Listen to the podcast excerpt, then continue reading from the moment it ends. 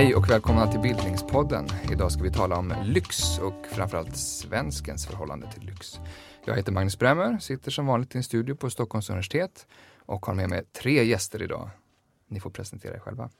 Jag heter Hillevi Ganets och är eh, genusforskare, professor i genusvetenskap och i botten är jag medieforskare.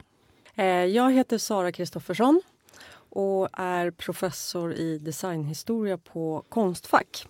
Men är i botten konstvetare. Ja, jag heter Leif Runefelt. Jag är docent i historia, lektor i idéhistoria vid Södertörns högskola. Varmt välkomna hit. Tack. Tack. Tack. Eh, för några år sedan så blev ett inredningsreportage från en vindsvåning i Vasastan och kanske framförallt en viss Teppanyaki-häll eh, oerhört uppmärksammat och kritiserat i sociala medier. Eh, vad var det med det här reportaget som provocerade så mycket?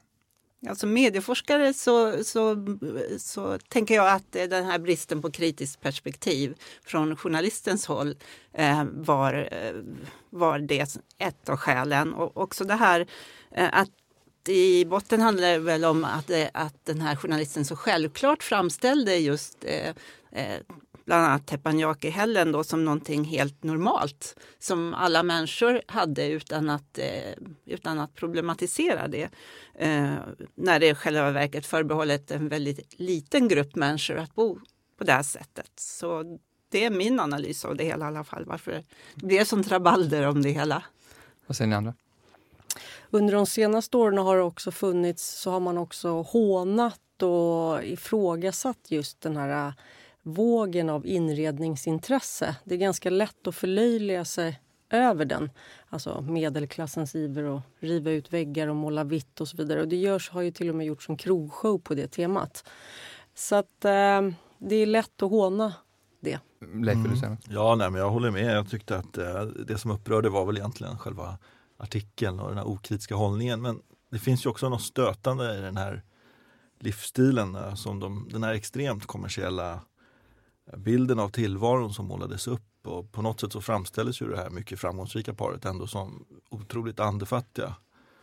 Och eh, det var lite sorgligt tycker jag. Alltihop. Och det var lite stötande någonstans. Eh, ett begrepp som nyrika används ju ofta eh, lite nedsättande, även alltså från, från både välbärgat håll och folk som inte kanske har eh, så mycket lyx. Vad beror det på tror ni? När jag tänkte lite på det här så tänkte jag på Bourdieu.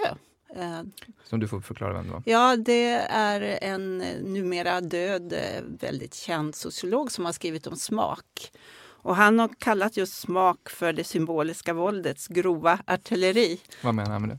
Han menar att um, um, alltså typ sånt som eh, utseende, stilkläder, eh, lyxvaror och så vidare. Att det är eh, mycket mer kraftfullt eh, instrument eh, att eh, Eh, i klasskriget kan man väl säga, än eh, vad vi vanligtvis tänker. Att det, det är otroligt viktigt vad vi har för smak och att vi, har, att vi inte till exempel på Nobelfesten begär in ketchupflaska och sådana här saker. Att det, det är väldigt kännetecknande för, för, eh, för klass helt enkelt. Och vad eh, skulle Bourdieu säga om, om vår användning av det ordet nyrika? Då? Ja, och jag tänkte då att det här handlar ju om, om smak väldigt mycket. Att eh, nyrika anses inte ha den här smaken och att det i själva verket eh, att, att det är vulgärt, eh, nyrikas smak. Det är lite för lyxiga saker som egentligen inte eh, stämmer överens med den smakregim, som, den goda smakregimen så att säga. Och eh, att ha någonting som är dyrbart men vulgärt, det är okultiverat då. Alltså som de nyrika påstås ha då.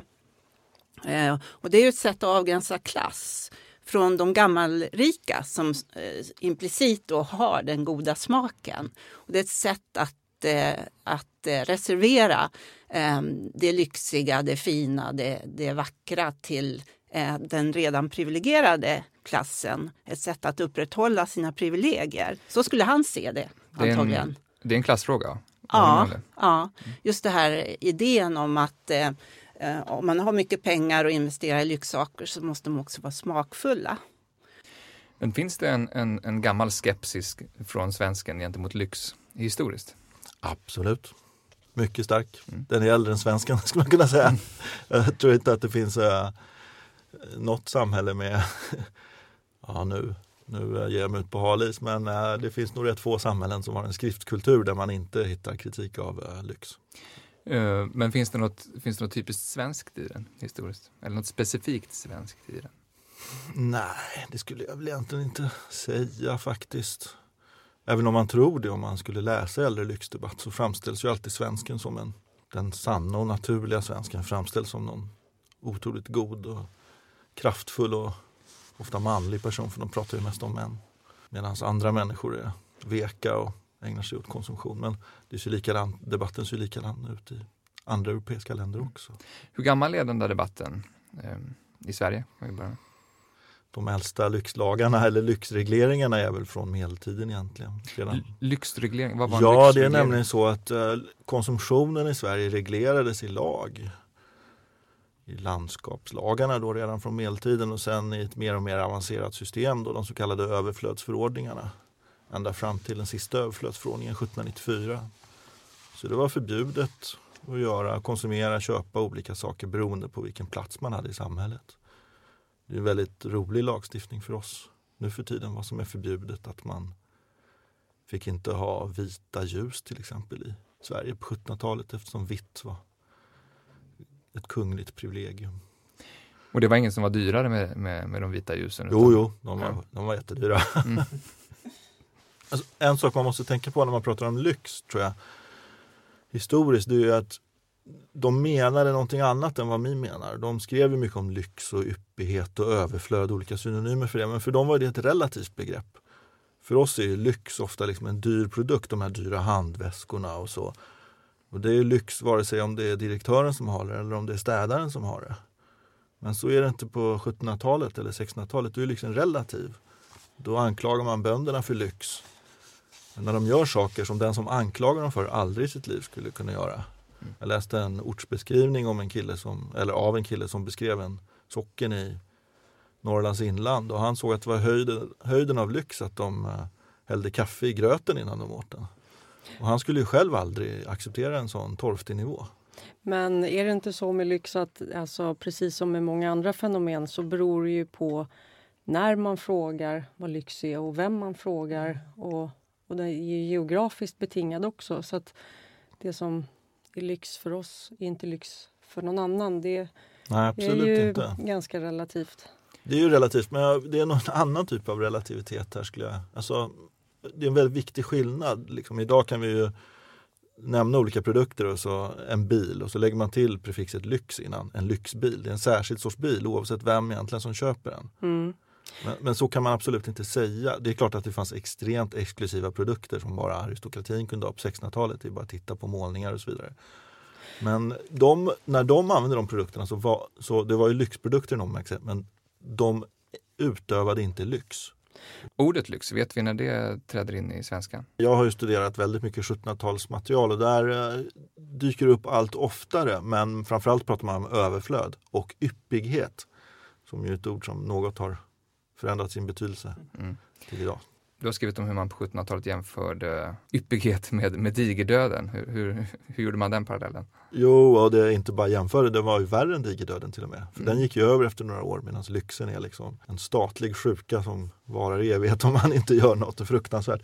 Nej men man såg ju lyxen som ett sorts samhällsproblem, alltså inte bara som ett samhällsproblem, ett hot mot samhällets bestånd. Så att det finns ju en begränsad mängd resurser och uh, det finns en hierarkisk samhällsordning som samhället vilar på. Adel, präster, borgare, bönder, kvinnor och män. Folk ska se olika ut. Det är viktigt att samhällsordningen bevaras och det är viktigt att samhällsordningen syns, att den går att se. Att man kan se när man är ute på gatan vem som är vem.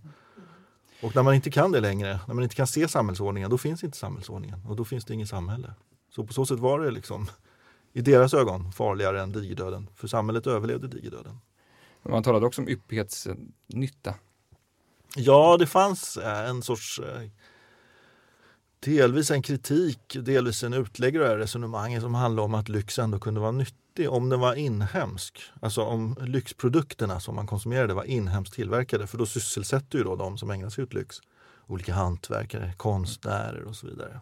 Om, om vi tar ett sånt här helt nutida exempel som Lyxfällan där olika överbelånade lyxlirare får, får gå på ekonomisk rehab. Eh, har vi ett behov av att moralisera kring lyxen? Skulle ni säga? Ja. Ja, Ja. absolut. Jag vill börja. ja, eh, eh, Varför har vi det behovet? ja, vi har behovet för att avgränsa oss själva mot varandra. Det är ju, det är ju väldigt viktigt att göra det och det är mycket inom tv då som är mitt område som handlar just om det här att eh, likhet och skillnad, liksom, det, det är ett sätt liksom att eh, skillnad är ju bland annat eh, att inte vara som. Många tv-program handlar om det. Och- Avskräckande exempel. Ja, avskräckande. Hollywoodfruarna till exempel är också typiskt sånt eh, program där eh, tur att jag inte är sån. Och Lyxfällan är ju också det så här skillnadsskapande. Och tur att jag inte har de problemen. Eh, och eftersom vi har den här eh, lyx, eh, haft den här lyxdiskussionen och väldigt så här moraliska toner runt det under århundraden så är ju Lyxfällan som, som gjutet. Men ehm, eh, det anses ju rätt eh, att vissa klasser ändå har rätt till lyx. Och det ligger ju också, nu kommer jag in på klass igen, att det här är fel klass som ägnar sig åt lyxkonsumtion. Eh, medan däremot, eh, vi får ju aldrig se en, någon adelsfamilj som, som har lyxkonsumerat för Nej, det handlar om eh, personer som inte har råd att leva i lyx. Nej.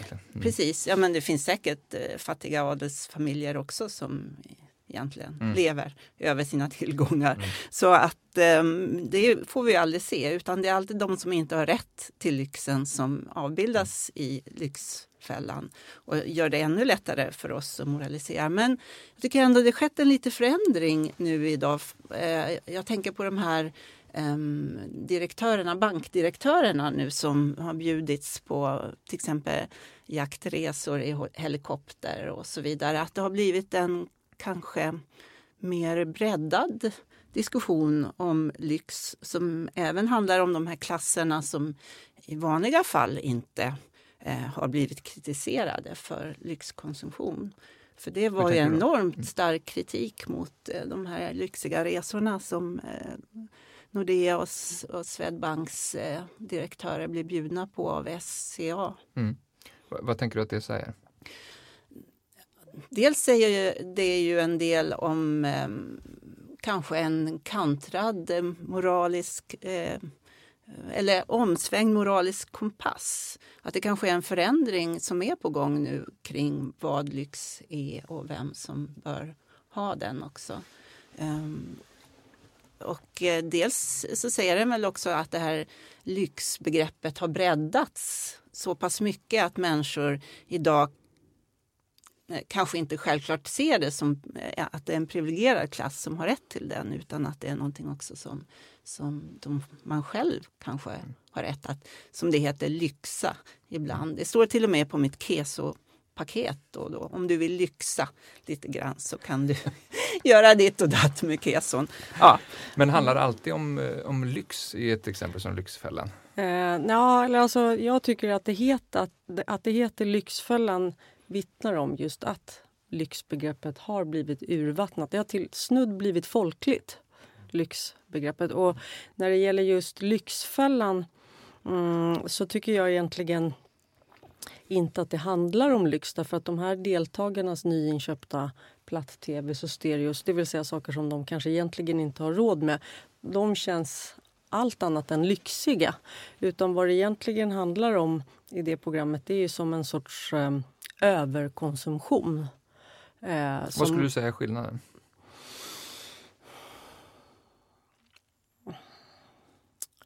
Ja, de har ju liksom konsumerat mer än vad de...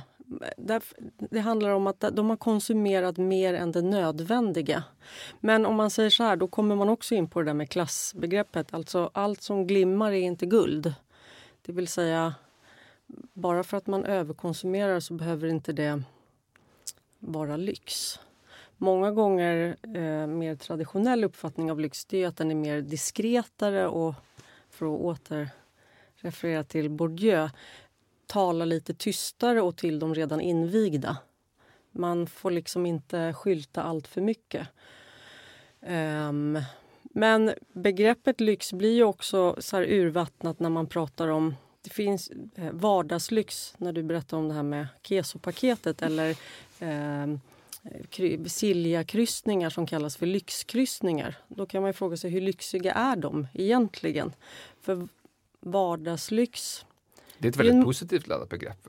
Ja, men det är ju, vardagslyx är ju ett begrepp som egentligen är helt motsägelsefullt. Därför mm. att lyx innebär ju någonting som står utanför eh, vardagen eller någonting utöver normen. Precis. Och här sätts de ihop. Så egentligen är det en omöjlighet, men i praktiken så fungerar det ju.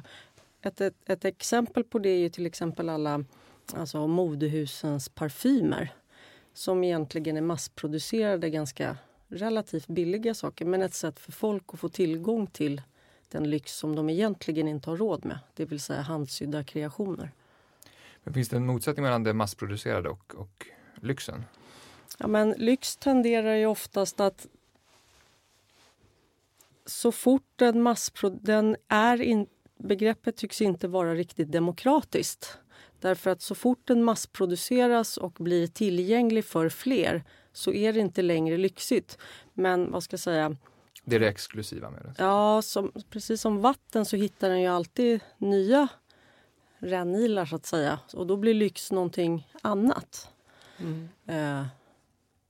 Egentligen finns det ju två definitioner av av lyx tror jag. Eh, dels lyx i den här eh, meningen att det är dyra varor som inte hör till vardagen precis som du är inne på. Sen har det liksom glidit över till att bli något man unnar sig. Mm, mm. Det är ju liksom medelklassens sätt att unna sig någonting utöver det vardagliga. Det där eh, vi ska lyxa lite. Och, ja, då, på mm. det sättet så har ju lyxbegreppet kanske breddats väldigt mycket eller urvattnas. Det beror på mm. vem man frågar och hur man ser det. Mm. Till den här frågan om att eh, moralisera då över andra människors konsumtion så vi måste moralisera över det därför att det är någonstans både existentiellt och politiskt. Alltså konsumtion handlar ju alltid om val. Att välja något och när man väljer något, väljer ett alternativ så väljer man ju bort något annat. Därmed så blir ju konsumtionen i någon mån en existentiell fråga. Det blir också en eh, identitetsskapande fråga, precis som du var inne på Hillevi, med att man uh, definierar sig själv. Genom de val man gör definierar man sig själv gentemot andra i en grupp och gentemot andra grupper och så vidare. Mm. Då blir det också så att säga vardagspolitiskt någonstans. Vi ser ju, kan ju ganska tydligt tycker vi se på människor hur de klär sig, hur de, vad de äter och så vidare. Vad de är för typer av människor. Vi kan ganska snabbt skriva in dem i olika kategorier och så vidare.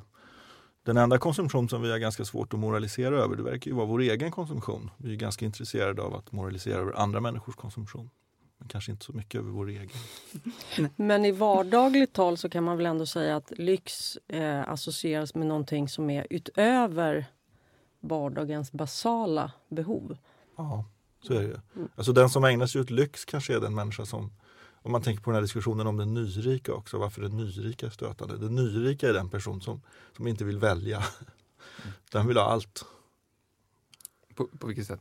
Ja men den liksom vill leva någon sorts materialistisk dröm, liksom förverkliga allt, ha allting, res, göra alla resorna, ha de fina lägenheterna, ha de fina sakerna, de fina och visa bilarna. Upp det också. Och visa upp det, mm. för att det här har jag, det här har jag mm. gjort.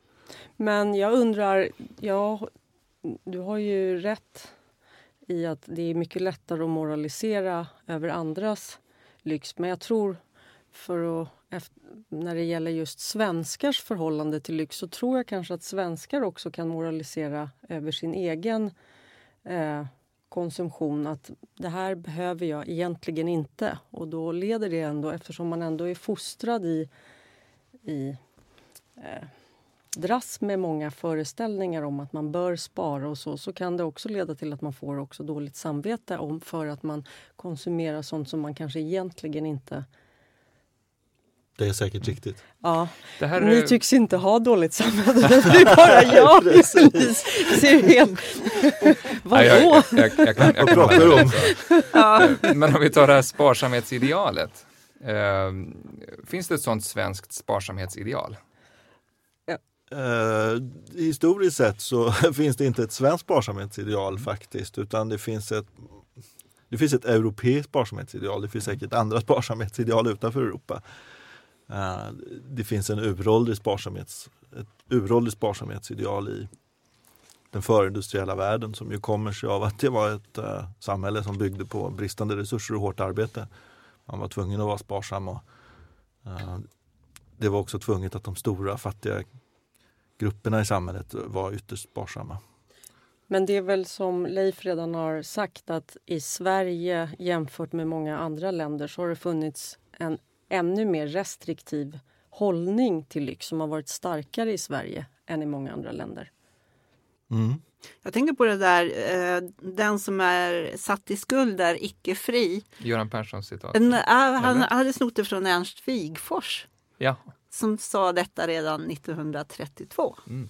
Och eh, eh, jag tänker på det att det kanske är eh, kopplat också Eh, nu, nu är det här bara en teori, alltså att det här är också kopplat till den socialdemokratiska eh, framgångarna politiskt eh, från 30-talet och framåt där man odlade just en sån här eh, sparsamhets och bildningsdygder på ett sätt som inte fanns på samma sätt i andra länder. Att det kanske hänger samman med det och att vi kanske därför har den här uppfattningen om svenskar som, som icke-lyxiga, som sparsamma och strävsamma och så vidare. Att det hänger ihop med socialdemokratiska ideal.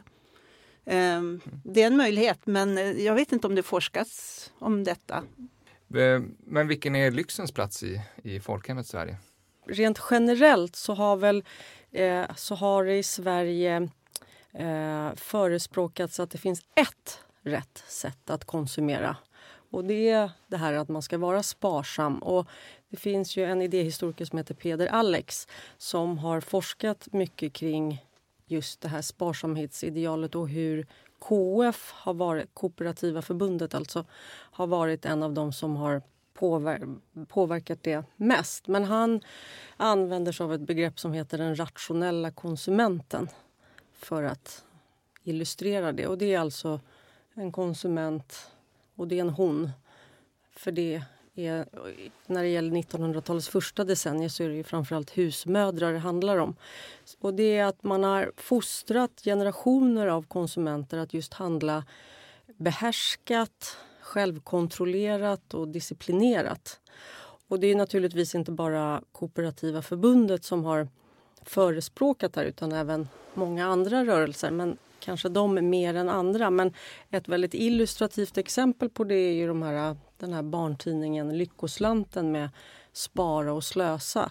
Där Spara är god, hon är rakryggad och blond och hon sparar.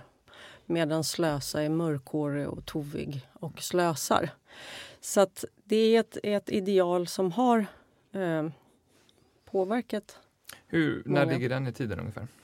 Ja, det är ju under 1900-talets första decennier framför allt som i alla fall när det gäller Kooperativa förbundet som de Ja, ett tydligt exempel där det kommer till uttryck är deras kamp mot kredit. Mm. Att eh, de inför ju kreditstopp i sina butiker därför att kredit, kan, kredit, alltså handla på krita kort sagt, kan leda till ekonomiskt fördärv. Det är moraliskt förkastligt och man handlar man konsumerar utöver sina tillgångar, kort sagt.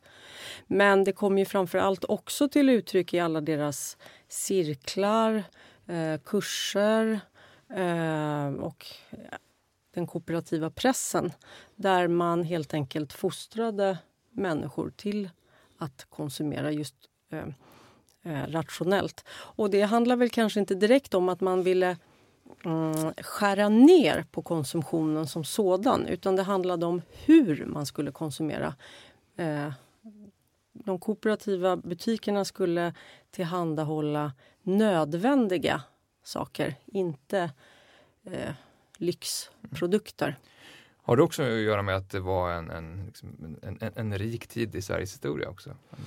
Ja, de första decennierna var väl inte så rika i början tänker på 1900 folk än Sveriges. Ehm, ja, men det, eh, det förespråkades framförallt under de tidiga decennierna under 1900-talet. Och sen så under efter de, mellan 50 och 75 så tror jag att konsumtionen i Sverige fördubblades. Och det gav ju helt nya möjligheter som var helt utopiska 1920 om man säger så. Men fanns sparsamhetsidealet kvar? Ja, jag tror ju att föreställningar och, och, och sånt försvinner inte över en natt bara för att man får mer pengar i plånboken. Utan återigen det här med svenskar. Det är väldigt djupt rotade normer som trots allt lever kvar. Och det är kanske därför också folk fortfarande förfäras när man ser program som Lyxfällan. Att det, sitter så djupt rotat att Mm. man ska inte handla utöver Det där var väldigt intressant tycker jag. Alltså att föreställningarna förändras ju väldigt långsamt. Konsumtionen, lyxen rör sig ju väldigt snabbt. Den utvecklas hela tiden. Det kommer hela tiden nya produkter. Samhället förändras. Världen globaliseras. Den globaliserades på 1700-talet i någon mån. Den gör det nu fortfarande.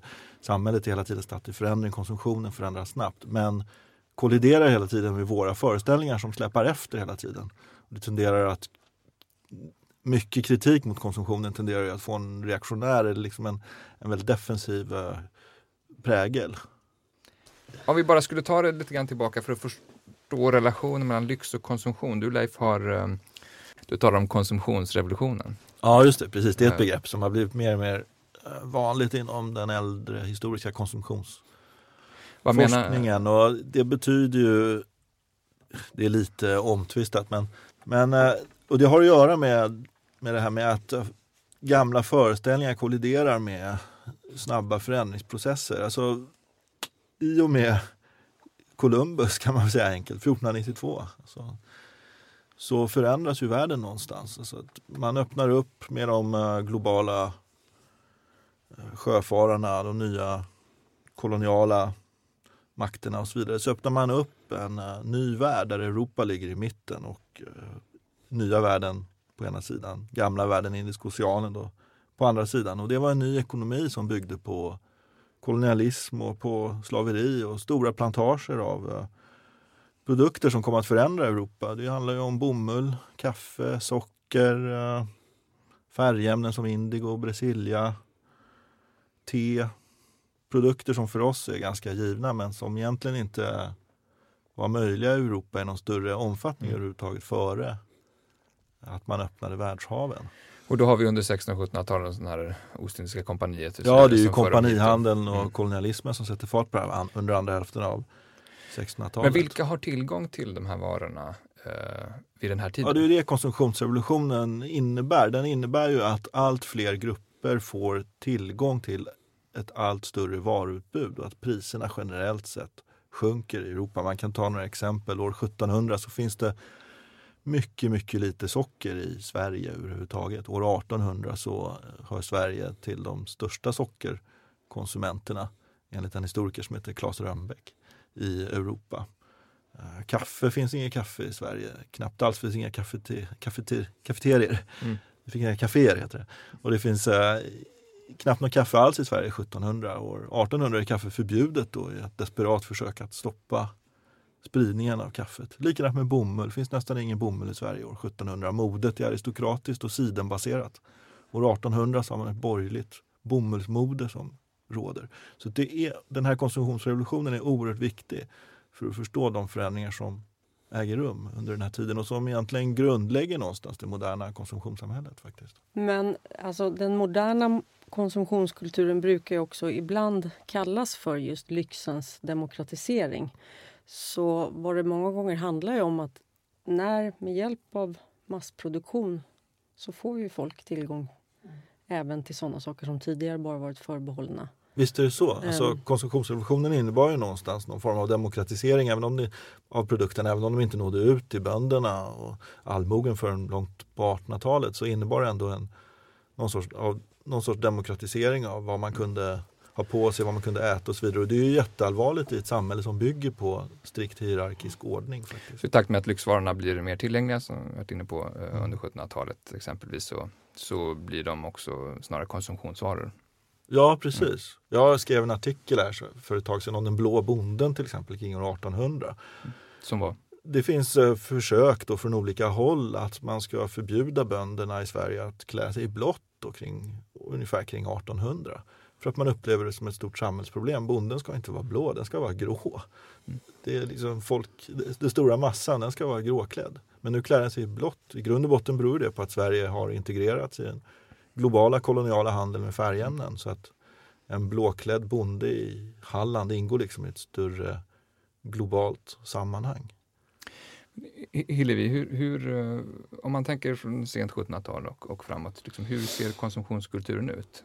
Vilka har tillgång till vad och var och så vidare? Ja, när, vi, när Leif sitter och pratar om det här så kommer jag att tänka på varuhusen som öppnade under... Det, var, det är en fortsättning av det här med eh, masskonsumtionen och att det kunde eh, växa fram. Det handlar ju också om bättre transporter och bättre att man hade möjlighet att transportera billigare och sådana här saker. Och, och när i tiden kommer de första varuhusen? Uh, 1852 brukar man säga, det är Bon Marché i Paris, i, i Paris som eh, Zola skrev en roman om som, som heter Damernas paradis och som är fortfarande väl värd att läsa. Uh, och, och, den skildrar just hur, hur det lilla företaget som var det vanliga sättet att sälja varor, då, alltså så en eller tvåmans två kvinnors eh, butiker, eh, hur eh, de konkurreras ut av de här stora varuhusen som eh, öppnar ett efter ett. efter ett. Och, eh, hur förändrar det där konsumtionskulturen? Ja, det förändrade just det här med, med överflödet, yppigheten då kan man väl kalla det, att det blev breddat. Eh, varuhuset blev ett ställe där vem som helst kunde gå in och uppleva det här överflödet. Att eh, Sola beskriver liksom hur det är äkta mattor och siden och bomull och skor och väskor och plymer och hur det liksom att det blir ett spektakel eh, konsumtion på ett, med varuhusen på ett helt annat sätt än, än det var i de här privata butikerna. Och liksom dragningskraften i det här liksom överkonsumtionen, den här, eh, det här vackra, det här överväldigande och hur det drar människor just till varuhusen som konkurrerar ut de här mindre. Och varuhusen byggde ju på att man kunde sälja mycket till lägre pris istället för de här små butikerna där man var tvungen att hålla priserna mm. lite högre för man kunde inte sälja så mycket. Och eh, det är som bra titel tycker jag, hans bok Damernas paradis, för det säger så himla mycket om hur, om eh, vilka som kunderna plötsligt förväntades vara. Det var på det sättet vi har pratat om breddning av, av lyxen och konsumtionen, att kvinnorna kom in här. Och jag tänkte det var så intressant när du pratade om, om KF, att det handlar om att uppfostra rationella kvinnliga konsumenter. Här har vi den andra sidan liksom av hur kvinnliga konsumenter ses. Och det är just som spenderande, som liksom lättstyrda och lättövertalade liksom till att eh, spendera för mycket pengar på, på lyx. Mm. Eh, för den bilden finns i Solas roman väldigt tydligt. Och, och eh, varuhusen var uppbyggda kring den kvinnliga konsumenten. Eh, för att kvinnor kunde inte vid den tiden vistas på gatorna utan någon eskort. Så kyrkan och varuhuset blev de, de platser där kvinnor kunde vistas utan manlig eh, eskort. Och det kan man ju säga var en frigörelse av kvinnor, varuhusen. Där fanns, och därför finns det också restauranger och toaletter och allt inuti de här varuhusen för att de här kvinnorna inte skulle behöva gå utanför. Och där vistas de då tillsammans med sina väninnor och konsumerar eh, med ögonen, väldigt många då, den här lyxen och överflödet, medan andra har råd att köpa. Men i och med att priserna har sjunkit så, så blir det en breddning, i alla fall borgarklassens kvinnor kunde kunde mm, köpa saker. Men det finns ju under den här tiden också en väldigt stor oro just för de här kvinnorna och det, det skymtar också i Solas roman att eh, man är rädd att eh, hennes nerver ska försvagas av den här frestelserna och att eh, det var mycket diskussion om, om kvinnliga snattare Mm. För att eh, kvinnorna blev ju förledda naturligtvis då att sno saker då för att eh, ja, och eh, det var någonting som uppstod, något nytt som hade uppstått då i och med det här varuhusen. Så det var en stor diskussion om det och också.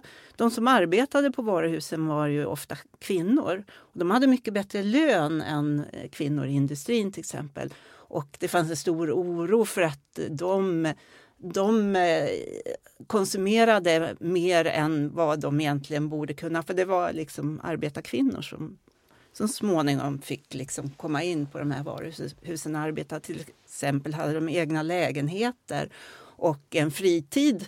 Eh, de satt på café och sådana här saker. Och det kunde man inte göra om man var arbetarklasskvinna på det, den här tiden, men det gjorde de. Så det fanns en väldigt stor oro just kring, kring kvinnor här i samband med att varuhusen och den här lyxkonsumtionen breddades. Ja, varuhuset blir någon slags tröskelerfarenhet av den jag beskrivit när lyxen blir tillgänglig för fler men Precis. fortfarande har attraktionsvärdet på något ja. sätt. Mm. Kan man säga att det är här som ett bredare lager blir konsumenter i en modern mening eller ligger det tidigare i tiden? Ja, det är ju många som menar att eh, i och med varuhusen så, är, så sker liksom det stora genombrottet för en breddad konsumtion.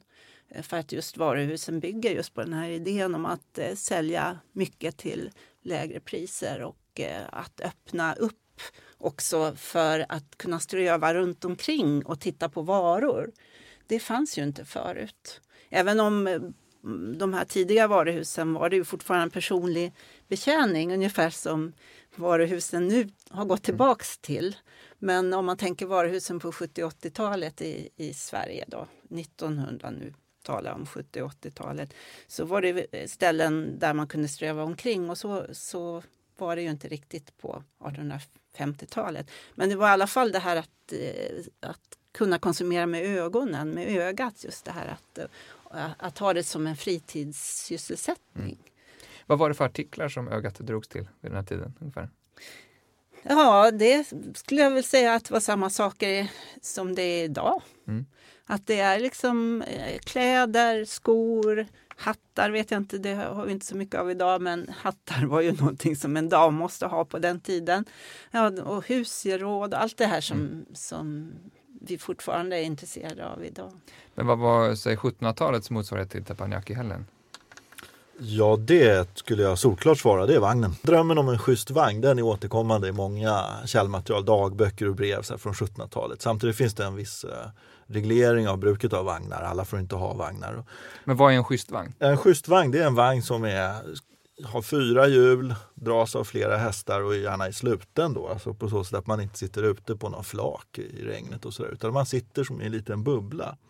Avgränsad från omvärlden? Avgränsad, det är den yttersta statussymbolen. Den, är, den var väldigt dyr. Den var stor, den tog plats när den kom, man syntes väldigt bra. Vad kunde den kosta? Den krävde personal. Mm. Och man exkluderade ju alla andra.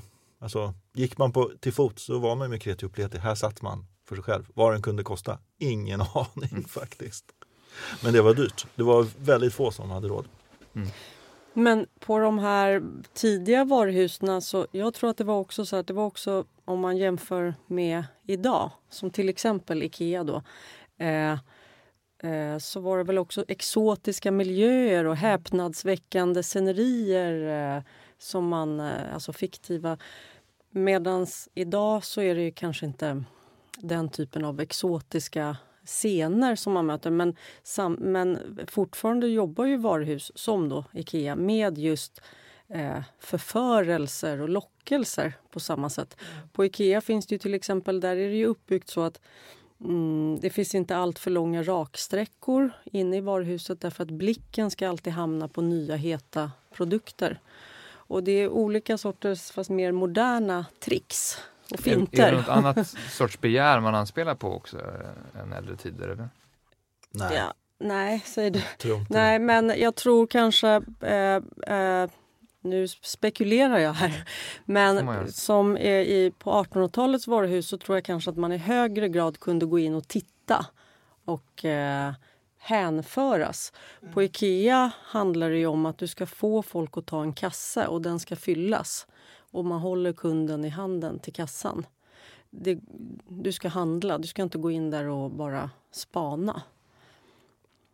Det jag menar med mitt nej, det är ja. väl att på något sätt det du beskriver Ikea här och det jag kan läsa i mina källmaterial från 1700-talet, det handlar vid, i båda tillfällena om eh, också det här med den rationella konsumenten, alltså någonstans att, an, att direkt tala till det sinnliga begäret. Mm, jo, men man ska falla Mm. för frestelser. Man ska falla för frestelsen, man ska Få folk på fall. Mm. Och det var det som upplevdes som ett sånt problem på 1700-talet, att folk styrdes av sina begär istället för att vara förnuftsstyrda och köpa det nödvändiga.